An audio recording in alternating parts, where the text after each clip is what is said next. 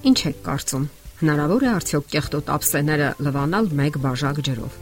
Դա նույնն է, եթե ստիպեք ձեր մարմնին, որ բոլոր կենսական գործողությունները կատարի առանց ջրի բավարար քանակի։ Այդ դեպքում զանազան թափոնները մարմնից հեռացվում են առավել խիտ վիճակում, որն առաջացնում է մարմնի տհաճ հոտ, մեզի յուրահատուկ վատ հոտ եւ գարշահոտ շնչառություն։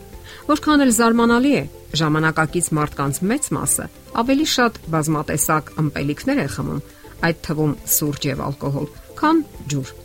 Մարդկանց մեծ մասն ասում է. Ինչ տարբերություն թե ես ինչ եմ խմում, եթե բոլոր ըմպելիքները ջուր են պարունակում։ Իհարկե, մարմինը օգտագործում է ջուրը ցանկացած ձևով, սակայն ըմպելիքներից շատերը ջրի հետ միասին իրենց հետ բերում են մի շարք խնդիրներ։ Դրանք պարունակում են կալորիաներ, որոնք դանդաղեցնում են մարսողությունը, նպաստում ճարպային pašարների կուտակմանը եւ արյան մեջ շաքարի մակարդակի խախտմանը։ Ամպելիքների մեջ պարունակվող շաքարի յուրացման համար պահանջվում է ջրի լրացուցիչ քանակ։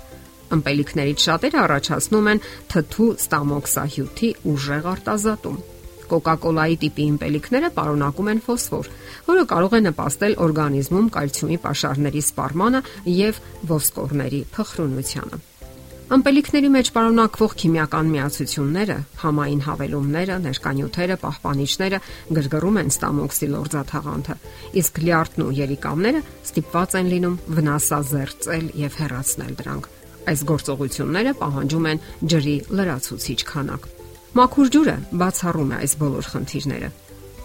Ջուրը կալորիաներ չի պարունակում, չի գրգռում ստամոքսը եւ մարսվելու կարիք չունի Այն ուղակի անցնում է ստամոքսով անկախ այն բանից, այնտեղ սնունդ կա թե ոչ։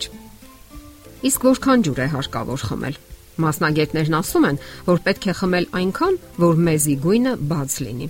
Օրվա ընթացքում մարմինը կորցնում է մոտավորապես 10-ից 12 բաժակ ջուր՝ մեզի, կղանքի, մաշկի մակերեսից, գոլորշիացումների եւ թոքերի միջոցով։ Սննդի հետ մենք ստանում ենք մոտավորապես 2-ից 4 բաժակ ջուր։ Այսպիսով մնում է լրացնել 6-ից 8 բաժակը։ Թող ձեզ մոտ սովորություն դառնա բավարար քանակությամբ ջուր խմելը։ Դա կարծես մի ներքին ցնցուղ է, որ լվանում է ստամոքսը եւ նախապատրաստում այն աշխատելու։ Առավոտյան, հենց որ անկողնուց վեր եք կենում, խմեք 1 բաժակ ջուր։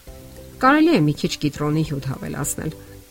Ջուր խմեք նաև ձեր աշխատավայրում, իսկ հետո օրվա երկրորդ կեսին, եւ դա կթարմացնի ձեզ եւ հետ կմաղի ոչ ճիշտ ժամերին սնվելու ցանկությունը։ Չմոռանաք նույն բանն անել նաև երեկոյան։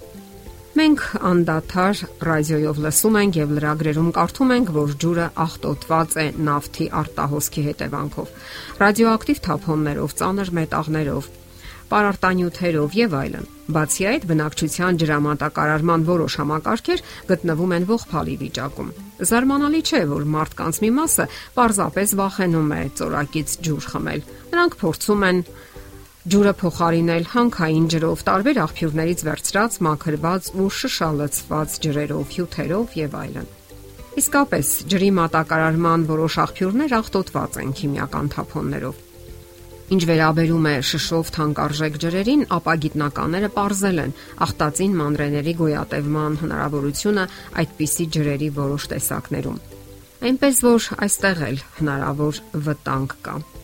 Ոստի եթե դուք վախենում եք ծորակից ջուր խմել, ապա քննարկեք բոլոր թեր եւ դեմ կողմերը եւ մի նմանվեք այն մարդուն, ով վախենում է ինքնաթիռ նստել, չնայած վիճակագրական այն բոլոր փաստերին, որ ինքնաթիռում գտնվելն ավելի անվտանգ է, քան գնացքում, ավտոբուսում, ավտոմեքենայում կամ փողոցում։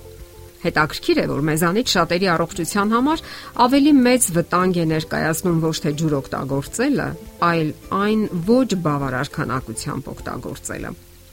Հենց ջուրն է, որ ապահովում է մարմնի կենսագործունեության համար քիմիական ռեակցիաների իրականացման հնարավորությունը։ Դա իդեալական ըմպելիք է ստեղծված Աստծո կողմից մարդու եւ կենթանիների ծարավը հագեցնելու համար։ Հաջորդ անգամ, երբ ձեզ հարցնեն, թե ինչ եք խմելու, ասացեք. Մեկ բաժակ ջուր։ Դա հենց այն է, ինչ հարկավոր է ինձ։ Սա իհարկե մեր կարծիքն է, որը մենք պարզապես ցանկանում ենք կիսել ձեզ հետ։ Եթերում առողջ ապրելակերպ հաղորդաշարն է։ Ձեզ հետ է Գեղեցիկ Մարտիրոսյանը։ Հարցերի եւ առաջարկությունների դեպքում զանգահարեք 094 08 2093 հեռախոսահամարով։ Հետևեք մեզ hopmedia.am հասցեով։